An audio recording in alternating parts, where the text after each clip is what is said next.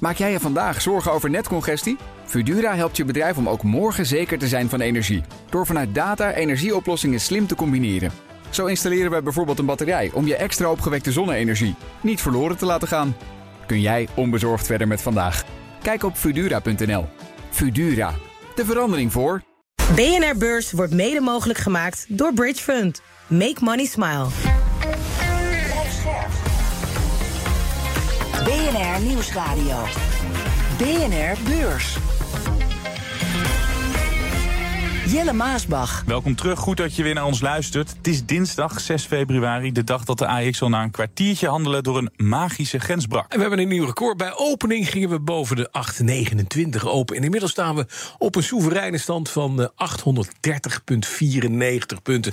Nee, 83101 van Werven corrigeert direct. We praten de beurs omhoog. En we praten de beurs omhoog. 0,8% komt erbij. En dat is een nieuw record sinds 2021 niet gezien. Uh, we zijn heel erg naar beneden gegaan. En nu zijn we dus weer helemaal terug. Ja, dat heeft mijn grote vriend eh, Bas goed uitgelegd. Uiteindelijk sloot de AX op 831 punten, een nieuw record. Proces met een winst van 4,9% Het aandeel dat het meeste won. De beurs die kan op rood, de beurs kan op groen. Er is altijd wat te doen. En gelukkig heb ik Mike Mulders van ING Investment Office hier in de studio... om dit alles te bespreken. En straks hebben we het over bedrijven die het financieel minder hebben, maar wel miljarden weggeven aan hun aandeelhouders. Eerst andere nieuwtjes. En dan vraag ik altijd: wat viel jou op? Nou, ik denk dat ik het wel kan raden vandaag. Ja, toch die AX helpt die recordstand. En ja, het interessante daaraan vind ik altijd: je denkt van wow, hè, dat is nieuws, dat hoor je ook overal. Is het nou zo nieuw? Eigenlijk niet. Als je kijkt naar de AEX-index, die wel de herbeleggingen meerekent, mhm. dan hebben we dat topniveau eigenlijk al lang gepasseerd. Toch vind ik het wel een interessant punt, want als we dan op een all-time high staan, zoals dat zo mooi heet, dan krijgen sommige mensen toch een beetje hoogtevrees. En daar moet je voor oppassen. Want hè, als je kijkt naar het lange termijn, zo'n grafiek die begint linksonder, gaat naar rechtsboven.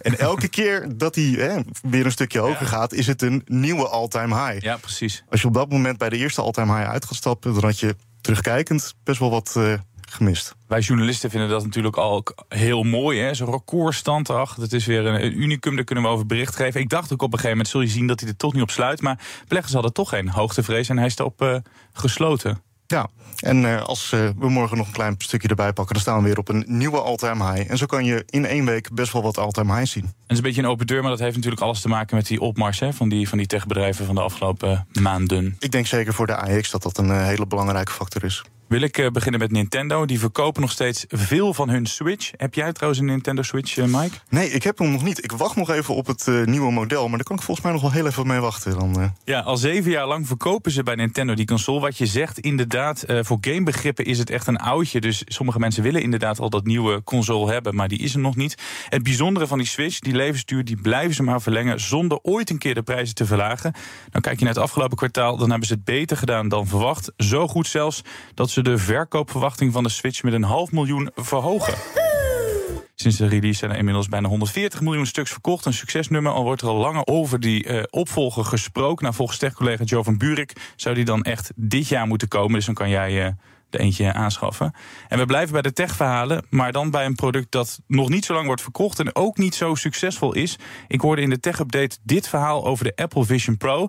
Dat is een bril van, hou je vast, 3500 dollar die mensen kennelijk echt kopen. Als je daar namelijk je toegangscode bent vergeten, dan moet je die uh, bril helemaal terugbrengen naar de winkel. Want alleen een Apple-medewerker kan de code wissen en dan moet ook de bril weer helemaal opnieuw ingesteld worden. En volgens Bloomberg is het een klacht waar heel veel gebruikers nu mee kampen. Uh, meer dan verwachten, want de klantservice wordt ermee overrompeld, zo zeggen ze zelf.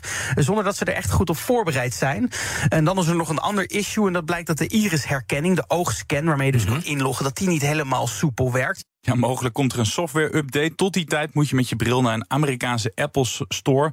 3500 dollar voor een bril, maar goed. Dan naar een bedrijf waar het beter gaat. Fugro, de bodemonderzoeker, heeft er weer een taak bij. Eentje die ze krijgen van de RVO, de Rijksdienst voor Ondernemend Nederland. Fugro gaat onderzoek uitvoeren voor Door de Wind. Dat is een windpark dat een kleine 80 kilometer ten noorden van Ameland moet komen te staan. Het wordt ook geen klein windpark. Het moet zo'n 580 vierkante kilometer groot worden. En het gaat het eerste park zijn dat de Eemshaven van groene stroom voorziet. Vanaf april gaat Fugro ermee van start. Over de financiering van de deal, wat ze ermee ophalen, daar is niks over bekend. Straks hebben we het over chipmaken en XP. Ze hebben ondanks alles een recordjaar geëvenaard. De een maakt verlies, de ander ziet de winst ineenzakken. Maar beide gaan flink uitdelen. UBS leidt opnieuw verlies, maar gaat voor een miljard dollar aan eigen aandelen opkopen. En BP ziet de winst halveren, maar ook daar zijn ze niet zuinig. Er wordt voor 1,75 miljard opgekocht en mogelijk later nog eens voor 3,5 miljard dollar. Ja, en ik wil met je beginnen bij UBS, de bank die onder druk van de toezichthouder Credit Suisse kocht. Verlies in het laatste kwartaal zo'n 280 miljoen dollar, meer dan gedacht. Maar CEO Sergio Ermotti is, ondanks dat verlies, toch positief. On an underlying basis, we, we saw actually a, good profitability and, and uh, we saw also good momentum. We also made a further, um, um, um, further improvements in our targets to deliver uh, cost savings uh, by uh, achieving a 4 billion exit rate in cost savings in 2023. So all that contributed to good results, and this uh, gives us the confidence to now uh, tackle the next phase of our restructuring and integration. Ja, hoe verloopt die integratie, valt het je mee of valt het je tegen? Want het was natuurlijk een gigantische deal die ze daar uh, voor hun kiezen kregen. Ja, ik denk als je hè, luistert naar het uh, verhaal van de CEO, dan heeft hij het over een uh, goed kwartaal. Jij zei net al van hè, de hoofdcijfers is er een verlies. Ja. Dat komt door kosten die ze moeten maken om Credit Suisse verder in te lijven. Ja, ja. En als je daar naar kijkt, dan verloopt dat eigenlijk best wel aardig. We zien namelijk dat de doelstelling voor de kostensynergie die UBS daarmee kan behalen, die hebben ze verhoogd. Ja. En ook verhogen ze hun eigen target voor de return on equity. Dat is dus zeg maar je winstgevendheid, uh, winstgevendheid ten opzichte van je eigen uh, vermogen. Die verhogen ze ook voor 2028. En als we dan terugkijken, toen hadden ze natuurlijk, hè, ze hadden een paar garanties gekregen van uh, de Zwitserse overheid. Ja. Die hebben ze ook eerder afgezegd. Dus eigenlijk in dat hele traject laten ze zien dat het beter gaat dan de planning die ze hadden. Onderliggend loopt het dus echt best wel goed bij uh, UBS, ondanks misschien uh, wat zure verwachtingen. Ja, zeker. Kijk, UBS is natuurlijk de grootste wealth manager ter wereld. Ze beheren ja. nu 3,8 biljoen. Daar hebben ze een target gesteld van uh, 5 biljoen. Oh, ik zie het ze wel halen. Je had het net over die kostenbesparingen. Inderdaad, eerder dachten ze nog aan 10 miljard dollar. Nu is dat 13 miljard dollar.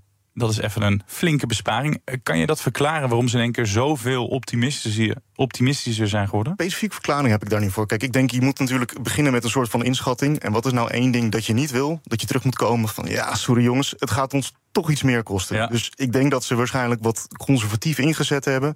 En nu, naarmate dat proces vordert, kunnen ze, hebben ze iets meer zicht erop. Maken ze wat meer vordering. En kunnen ze daar ook uh, iets positievere uh, geluiden laten horen. Ik weet nog wel dat die toezichthouder toen naar UBS ging en zei: jullie moeten kredietvies overnemen hè, in het belang van uh, het monetair systeem hier. Er werd echt een beroep op ze gedaan. Maar als je zo kijkt, dan is dit misschien wel het beste dat UBS kon overkomen, deze overname. Ik denk dat ze hele interessante stukjes van Credit Suisse op een hele mooie prijs hebben kunnen overnemen. Of ze dat uiteindelijk op de lange termijn ook bij zich mogen houden, ben ik nog niet zo zeker van. Maar voor nu, nou, je ziet het ook als je kijkt naar de kapitaalratio en ook het feit dat uh, ze gaan weer aandelen inkopen. Ze hebben een uh, dividend uh, aangekondigd. Ja, ik, ik, zie daar veel tekenen van kracht. En dus ook zijn ze er klaar voor om die eigen aandelen op te kopen. Daar is genoeg cash voor. Ja, en vooral belangrijk, hè, het is een bank die natuurlijk een kapitaalpositie hebben. Een soort van buffer voor het geval ja. dat er iets gebeurt. Nou, die viel ook dit kwartaal iets hoger uit dan verwacht. En ja. dat geeft ze ook weer de ruimte om, uh, om aandelen inkoop te doen. Dan naar uh, BP. In 2023 halveerde de winst vergeleken met het jaar daarvoor. Maar kijk je naar die drie laatste maanden van het jaar, daar waren ze toch wel weer goed. BP beat forecasts in the fourth quarter. The British energy giant posted earnings of $3 billion on Tuesday, beyond projections of 2.77 billion. BP said the results reflected strong gas trading and higher oil and gas prices. Een beetje flauw om te zeggen, maar je bent natuurlijk ook afhankelijk van de vraag en van de prijzen. Dus ja, als je het voor meer kan verkopen, dan zet je ook wat meer in de boeken. Of heb jij een hele briljante strategie bij BP uh, ontdekt? Een briljante strategie? Nee, dat niet zozeer. Als ik, als ik denk als je kijkt naar de, de, cijfers van dit kwartaal, dan waren die ietsje beter dan verwacht. Aha. Vooral dat zeg maar, de olieproductie kwam wat hoger uit dan verwacht. Ja. Aan de andere kant viel het een beetje tegen bij gas en de wat, wat minder uitstotende energie. En wat natuurlijk de grote kikker was, was daar, ja, ze gaan in één keer een stuk meer aandelen inkopen dan verwacht. Dat, uh, dat vond de markt uh, positief. Ja, zeker. Daar werden ze voor beloond. Daar gaan we het zo meteen over hebben. Maar als je kijkt naar Shell, dat is die andere olie- en gasreus uit, uh, uit Europa. Hoe doen ze het vergeleken met, met die concurrent? Ja, ik, ik denk als je die twee vergelijkt, dan is Shell iets duurder als je kijkt naar de waardering. Ik denk wat BP vooral goed doet, is dat ze een heel ehm, ja, toch wel agressief, agressieve doelstelling hadden als, als het gaat om het verminderen van de olieproductie. Ja? Die hebben ze recent wat, wat ja, verlaagd. Dus dat ze wat minder snel die olie af gaan bouwen. Dan laten ze zien dat ze een sterke het, uh, kapitaalpositie hebben. En dat ze ook veel uh, cash daar genereren. En dat vloeit nu terug naar de aandeelhouders. Ik denk dat ze dat heel goed doen. Ik denk ook als je het vergelijkt met de Amerikaanse oil majors. Mm -hmm. Die hebben normaal gesproken een iets hogere waardering. Omdat er daar wat meer focus op de aandeelhouder is. Ja. Wat minder op het groene. Ik denk als BP nu richting diezelfde strategie gaat bewegen, dat er misschien nog wel een iets hogere waardering in zit voor BP. Ja, dan naar uh, die inkoop van eigen aandelen waar jij het over had. Bij Bloomberg zeggen ze dat dit erachter zit. It's all about persuading shareholders that uh, they can rely on BP to deliver high returns even as it transitions to uh, low carbon energy. Ja, BP zit dus in die transitie. Ben je het daarmee eens? Overtuigen ze met die inkoop van eigen aandelen aandeelhouders van bij ons zit je nog uh, wel even goed? Ik denk als je nu kijkt naar he, die uh, wat uh, duurzamere energieopwekking, dan zit er gewoon een lagere winstgevendheid op. En wat wil je nou niet als aandeelhouder dat de volledige winstgevendheid aan de kant geschoven wordt. Ik denk dat ze nu, en wat ik al zei, recent zijn ze dus iets minder agressief in het afbouwen van die olie. Ze laten zien dat ze toch iets meer die aandeelhouder in gedachten houden.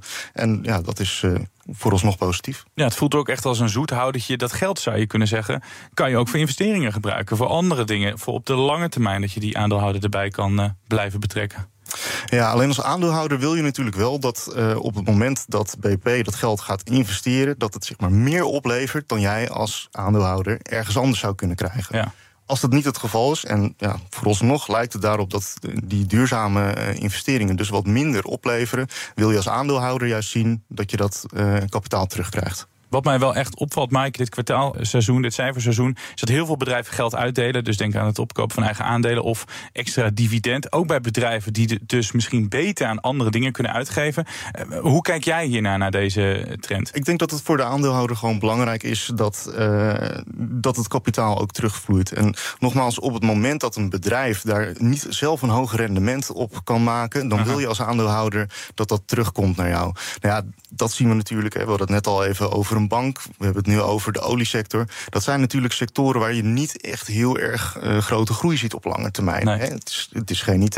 En dus moet je het hiervan hebben, van dit soort extraatjes. Precies. En dan zou ik als belegger bijvoorbeeld dat geld weer liever in een wat meer groeisector gaan steken, zoals bijvoorbeeld IT. Ja. Gaan we dit nog meer uh, dit jaar meemaken? Dat bedrijven zo vrijgevig zijn? Want nou ja, zo'n UBS staat er eigenlijk best wel goed voor. Bij BP komt het geld ook nog wel binnen waaien. Ja, ik denk het wel. Kijk, als je het natuurlijk vergelijkt met uh, een dividenduitkering, dan is het wat makkelijker om je aandeleninkoop te verhogen, te verlagen. Dat is een uh, ja, wat minder uh, sterk signaal als je die zou verlagen. Vooralsnog zie ik geen reden waarom we dat niet ook de rest van het jaar kunnen verwachten. Ben jij optimistisch over dit cijferseizoen tot nu toe? Er moeten nog wel een paar grote namen komen, maar.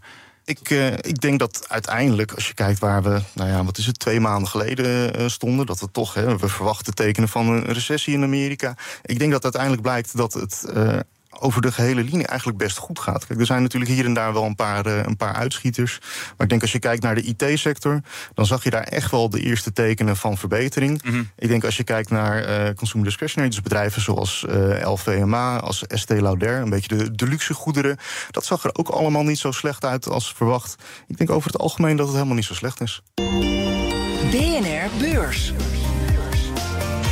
We gaan buurten op de Amerikaanse handelsvloer. De Dow Jones staat drie tiende van de procent in de plus. De S&P 500 onveranderd. De Nasdaq dan weer 0,4 procent in de min. Nou, laten we beginnen met de voorspelling van een Duitse bank... over de Amerikaanse economie waar jij het over had. Je wist niet dat ik het hierover ging hebben, maar goed bruggetje. Deutsche Bank is namelijk optimistisch. Zij verwachten dat de Amerikaanse economie niet in een recessie gaat belanden. Eerder dachten ze nog van wel, omdat de Fed de rentes hoog hield. Al zou dat voor een milde recessie zorgen met een krimp van 0,3 procent. Nu komt die. Ze zien nu een ander scenario voor de Amerikaanse economie, namelijk groei van 1,9 procent. Die bijstelling doen ze, zeggen ze, omdat de inflatie flink terugloopt en ook de arbeidsmarkt beter in balans raakt. Ja, ik denk wel dat jij je in die redenering kan uh, vinden als ik jou zo uh, net goed heb beluisterd. Ja, zeker. Je zou bijna afvragen of er überhaupt nog wel de rente verlaagd moet worden. Want we zien dat de consument nog heel sterk is in Amerika. Die blijft kopen, die heeft nog steeds een baan. Mochten ze hun baan verliezen, dan weten ze nog snel een andere baan te vinden. Dus dat gaat eigenlijk heel erg goed. En ook als je kijkt naar zowel productie als naar de services, mhm. zien we dat dat ook nog hartstikke goed draait. Dus ja, vandaar zou ik zeggen, geen reden voor een directe vrees. Nee, het verbaast wel dat die economie er zo krachtig doorheen uh, gaat. Ja, je zou bijna afvragen, wat, wat is daar dan veranderd? Dat vind ik een lastig om daar uh, uitspraken over te doen. Maar ik denk als we ons richten op de data... dat we inderdaad uh, kunnen zeggen en zien dat we helemaal niet zo negatief hoeven te zijn. Nee, en Jerome Powell weet het ook nog helemaal niet. Dus dat is ook geen vraag die jij dan in één keer kan beantwoorden natuurlijk. Waar de sfeer wat anders is, is bij Spotify. Die gingen afgelopen kwartaal door een grens van 600 miljoen gebruikers heen. Dat blijkt uit hun kwartaalcijfers. Nou, over die gebruikers, dat zijn er nu 23% meer dan een jaar eerder. En ruim een derde daarvan is premium oftewel die betalen ervoor. Was ook te merken in de omzet, die steeg naar 3,7 miljard euro. En dan, het was een lange aanloop, komt de slechte nieuws. Onderaan de streep stond toch weer 75 miljoen euro verlies voor de muziekstreamingdienst. En eh, ja, dat nadat ze juist een uh, kwartaal winst hadden gemaakt. Al zijn ze over dit kwartaal positief, want ze zeggen het aantal gebruikers gaat weer groeien. Aandeel staat 5,3% in de plus. Dan naar Spirit Aero Systems, een van de toeleveranciers van Boeing. Dat geeft geen winstprognose voor dit jaar af. Ze durven dat niet vanwege de problemen met de Boeing 737 MAX. Ook wordt het uh, überhaupt lastig om te voorspellen, omdat ze nog onderhandelen met Boeing over de prijs van onderdelen. En dan denk je, beleggers schrikken, er is onzekerheid, ze durven niks te voorspellen. Het aandeel staat 5% in de plus. BNR Beurs. Het Nederlandse chipbedrijf NXP heeft een opvallende prestatie neergezet. NXP Semiconductor, NXPI, posting a beat on the top and bottom line. Ondanks een dip in de chipmarkt heeft het vorig jaar de omzet en winst gelijk gehouden. Dat betekent dat ze ondanks alles het recordjaar 2022 hebben geëvenaard. Hoe hebben ze dat voor elkaar gekregen? Ja, dat is wel een interessante, want NXP is natuurlijk groot toeleveranciers van uh, de autosector. Ja. En daar was toch echt wel verwacht dat, uh, dat er een daling zou zijn kwartaal op kwartaal. Daar zagen we dat de omzet kwartaal op kwartaal gelijk bleef. Maar ook in het Industrial en Internet of Things segment, daar zag je dat ten opzichte van hun concurrentie, dat ze daar toch wat betere uh, cijfers konden laten zien. Nou, dat is uh, apart. Die CEO die zei ook nog wel wat grappigs. Want die markt is op een gegeven moment helemaal na de coronatijd helemaal overspoeld met chips. Hij zei: Wij produceren niet meer uh, te veel. Dus we proberen dat veel meer in de hand te houden. Is dat een goede tactiek die ze mogelijk dus heeft geholpen? Ja, zeker. Ik denk, eh, als je ziet wat er gebeurd is, eerst natuurlijk groot tekort door corona. En wat je wil voorkomen is dat zo'n varkenscyclus op uh, gang komt. Dus dat iedereen gaat investeren in capaciteit, dat er overcapaciteit is en dat daarna de prijs van die chips inzakt. Dus dat doen ze goed en ik denk dat je dat ook terugzag in de cijfers. Dat hun marge, die wisten ze iets te verhogen. Die kwam volgens mij op 58,7 uit. En uiteindelijk willen ze naar een doelstelling van 60% Dus laten ook daarmee heel duidelijk zien. Ze letten ook op die marge en daarmee dus de winstgevendheid van het bedrijf. Ik denk dat dat een goede strategie is. Ik vind het wel heel knap dat je al die cijfers zo uit je hoofd eh, kan opdissen. Uh, ze zijn op ASML uh, na de grootste hier. Ze doen wel wat anders, maar ze zitten in die chipsector. ASML is natuurlijk het bedrijf waar iedereen het over heeft. NXP komt daarna. Zijn ze ook net zo belangrijk? Nou ja, ik wil een bedrijf zeker niet onbelangrijk noemen. Maar ik denk ASML, dat is natuurlijk de wereldleider als het gaat op uh, die machines die we nodig hebben voor ja. die, die hoogste kwaliteit chips. NXP zit in een ander segment. Dus ik denk dat je die twee niet helemaal met elkaar kan vergelijken. Maar het is natuurlijk wel heel mooi waar we als ja, toch redelijk klein landje groot in kunnen zijn. Wat zeggen die cijfers van NXP over die chipmarkt? Want er waren natuurlijk vorig jaar best wel zorgen over. Dit ziet er best wel goed uit. Is het herstel sneller dan jij uh, dacht? Nou, ik denk als we het over het herstel hebben, dan moeten we meer naar iets andere bedrijven kijken. Bijvoorbeeld ASML, maar we zagen ook Samsung eerder met uh, cijfers uitkomen. Mm -hmm. En daar zien we toch wel de eerste tekenen van een soort van bodemvorming. Of in ieder geval een licht herstel van, uh, van de chips. En dat is heel positief. Hoe zijn ze eigenlijk over het eerste kwartaal te spreken? Ja, dat, dat ligt er een beetje aan. Als je kijkt naar bijvoorbeeld de cijfers van AMD, dan zien we dat in de personal gaming, dus echt de de, de gamecomputers, PC's, daar verwachten ze toch wel dat het ietsje minder wordt. Dus het is heel specifiek over welke deelhoek je het nou hebt. Ik denk over het algemeen dat het er best goed uitziet. Adyen uh, nam heel veel mensen aan. Daardoor raakten veel beleggers en analisten over de zijk. NXP zag ik, nam maar 3000 aan. Er kwam 10% meer mensen bij. Daar hoor je dan weer niemand over. Dat, dat kan dus wel. Ja, en dat is een hele interessante, want dat gaat eigenlijk terug naar waar we het net over hadden. Die marges die in de gaten gehouden moeten worden. Bij Algen was het verhaal natuurlijk een beetje dat ze eigenlijk voor nu de winstgevendheid een beetje achter zich lieten. Dat ze zich volledig op de groei focusten. Ja, daar worden beleggers niet heel blij van. Die willen natuurlijk ook wat winstgevendheid zien. Aan de andere kant zie je bij NXP, eh, ondanks dat ze zitten in de IT-sector, wel twee hele verschillende bedrijven. Ja. Maar daar was die focus er wel op de marges. En daarom denk ik dat het eh, iets meer geaccepteerd wordt eh, dat ze meer mensen aan het aannemen zijn. Dit zijn ook wereldwijd eh, mensen die ze aannemen, moet ik er wel voor de eerlijkheid bij zeggen. Maar toch, wereldwijd is er echt wel sprake van personeelstekorten. En dan heeft zo'n chipbedrijf toch wel de slagkracht om er gewoon 3000 mensen bij te vinden. Wat op zich ook alweer weer knap is. Ja, zeker. En dat is natuurlijk ook erg goed voor de economie. Blijkbaar zijn er dus genoeg bedrijven die nog steeds aan het, eh, aan het aannemen zijn. Het is wel grappig, ik zat heel even te kijken. Je ziet genoeg bedrijven die nu wat mensen laten gaan. Ja. Aan de andere kant zie je ook weer genoeg eh, bedrijven die mensen aannemen. En je ziet ook heel erg terug in eh, de arbeidscijfers dat. Er zijn dus nog steeds mensen die snel banen vinden. Er zijn nog steeds nieuwe banen die erbij komen. En dan komen we weer een beetje terug op nou, het globale plaatje. Eigenlijk gaat het best goed. Ja, wat verwacht je voor de rest van dit jaar? En dan heb ik het niet per se over NXP, maar in die sector waar ze zitten. Ben je daar optimistisch over? Gepast optimistisch. Ik, ik wil wel eerst echt specifiek die tekenen van verbetering zien. We zien nu eerst een paar tekenen. Dat moet wel verder doorzetten. Maar ja, ik denk, het is natuurlijk eh, gelinkt aan de globale economie. En ja, zoals je me al eerder hebt horen zeggen, daar ben ik helemaal niet zo negatief eh, over. Dus ik kan me best voorstellen dat we daar een breder herstel eh, gaan zien. Ik denk voor NXP specifiek is het natuurlijk wel heel spannend wat er gebeurt. Het gaat gebeuren met de autoverkopen. Ja. Ik had begrepen dat eind 2025 dat we wat meer die kleinere modellen gaan zien van eh, de EV's, electric vehicles. Ja. Dus dat wordt nog heel even volgen of ze dat ook in dat jaar eh, uit kunnen brengen en of dat massaal eh, gekocht gaat worden. Morgen een dag waar ik me op verheug. Disney komt dan met de cijfers. Ik zit er dus klaar voor. Collega Maxime van Mil ook. CEO Bob Iger gaat het weer hebben over zijn films, series en pretparken. De inkomsten van die pretparken die loopt langzaam terug. Na de pandemie gingen mensen volop met de kids naar Disneyland.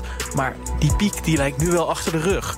En over de media-inkomsten, daarvoor werd Iger, die eigenlijk al met pensioen was, een jaar geleden weer teruggeroepen. Beleggers die willen weten of de streamingtak nu eindelijk een Netflix-killer is. Verder horen we ook nog wat over taxis, want Uber geeft een inkijkje in het afgelopen kwartaal. Het bedrijf is de laatste maanden eindelijk winstgevend. Ze konden het afgelopen kwartaal ruim 220 miljoen dollar in hun portefeuille stoppen. En over de portefeuille gesproken, ook PayPal komt nog met cijfers. Die gooiden vorige week nog zo'n 10% van het personeel eruit, omdat ze steeds meer competitie hebben van bijvoorbeeld Apple. De beleggers die zijn in ieder geval overtuigd. Het aandeel werd de laatste maanden 20% meer waard. Ja, ik kijk dan eh, dus eh, vooral uit naar Disney. Dat vind ik dan altijd wel mooi. Is er nog een bedrijf waar jij heel erg naar uitkijkt eh, dat met cijfers komt? Ja, later deze week krijgen we Moller Maersk. Dat is een van de grootste zeecontainervervoerders. nou ja, we hebben natuurlijk gezien dat er wat spanning in het, in het Midden-Oosten is. Daardoor moeten heel veel zeecontainers omvaren. Je ziet ook dat de prijzen daar omhoog gaat. Ik vraag me heel erg af hoe lang ze dit vast kunnen houden... en of zij daar al tekenen van verbetering zien. Origineel, ik denk misschien roep je Nvidia, want iedereen komt met Nvidia. Jij komt er wel eens een keer met een originele naam. Dat is dan wel mooi, eh, Mike. Ja, dit was de BNR Beurs van maandag 6 februari, waarin we het hadden over bedrijven die een breed laten hangen. BP en UPS. Ze delen flinke cadeautjes uit aan aandeelhouders. Maar ook over de AX, die op deze dag een recordstand aantikte. Over NXP, dat een recordjaar evenaarde. Blij dat we tekst en uitleg kregen van Mike Mulder, himself van ING Investment Office. Dank dat jij er was en dank dat jij hebt geluisterd. Tot morgen. BNR Beurs wordt mede mogelijk gemaakt door Bridge Fund. Make money smile. Maak jij je vandaag zorgen over netcongestie? Fudura helpt je bedrijf om ook morgen zeker te zijn van energie. Door vanuit data energieoplossingen slim te combineren. Zo installeren wij bijvoorbeeld een batterij om je extra opgewekte zonne-energie niet verloren te laten gaan. Kun jij onbezorgd verder met vandaag? Kijk op Fudura.nl. Fudura, de verandering voor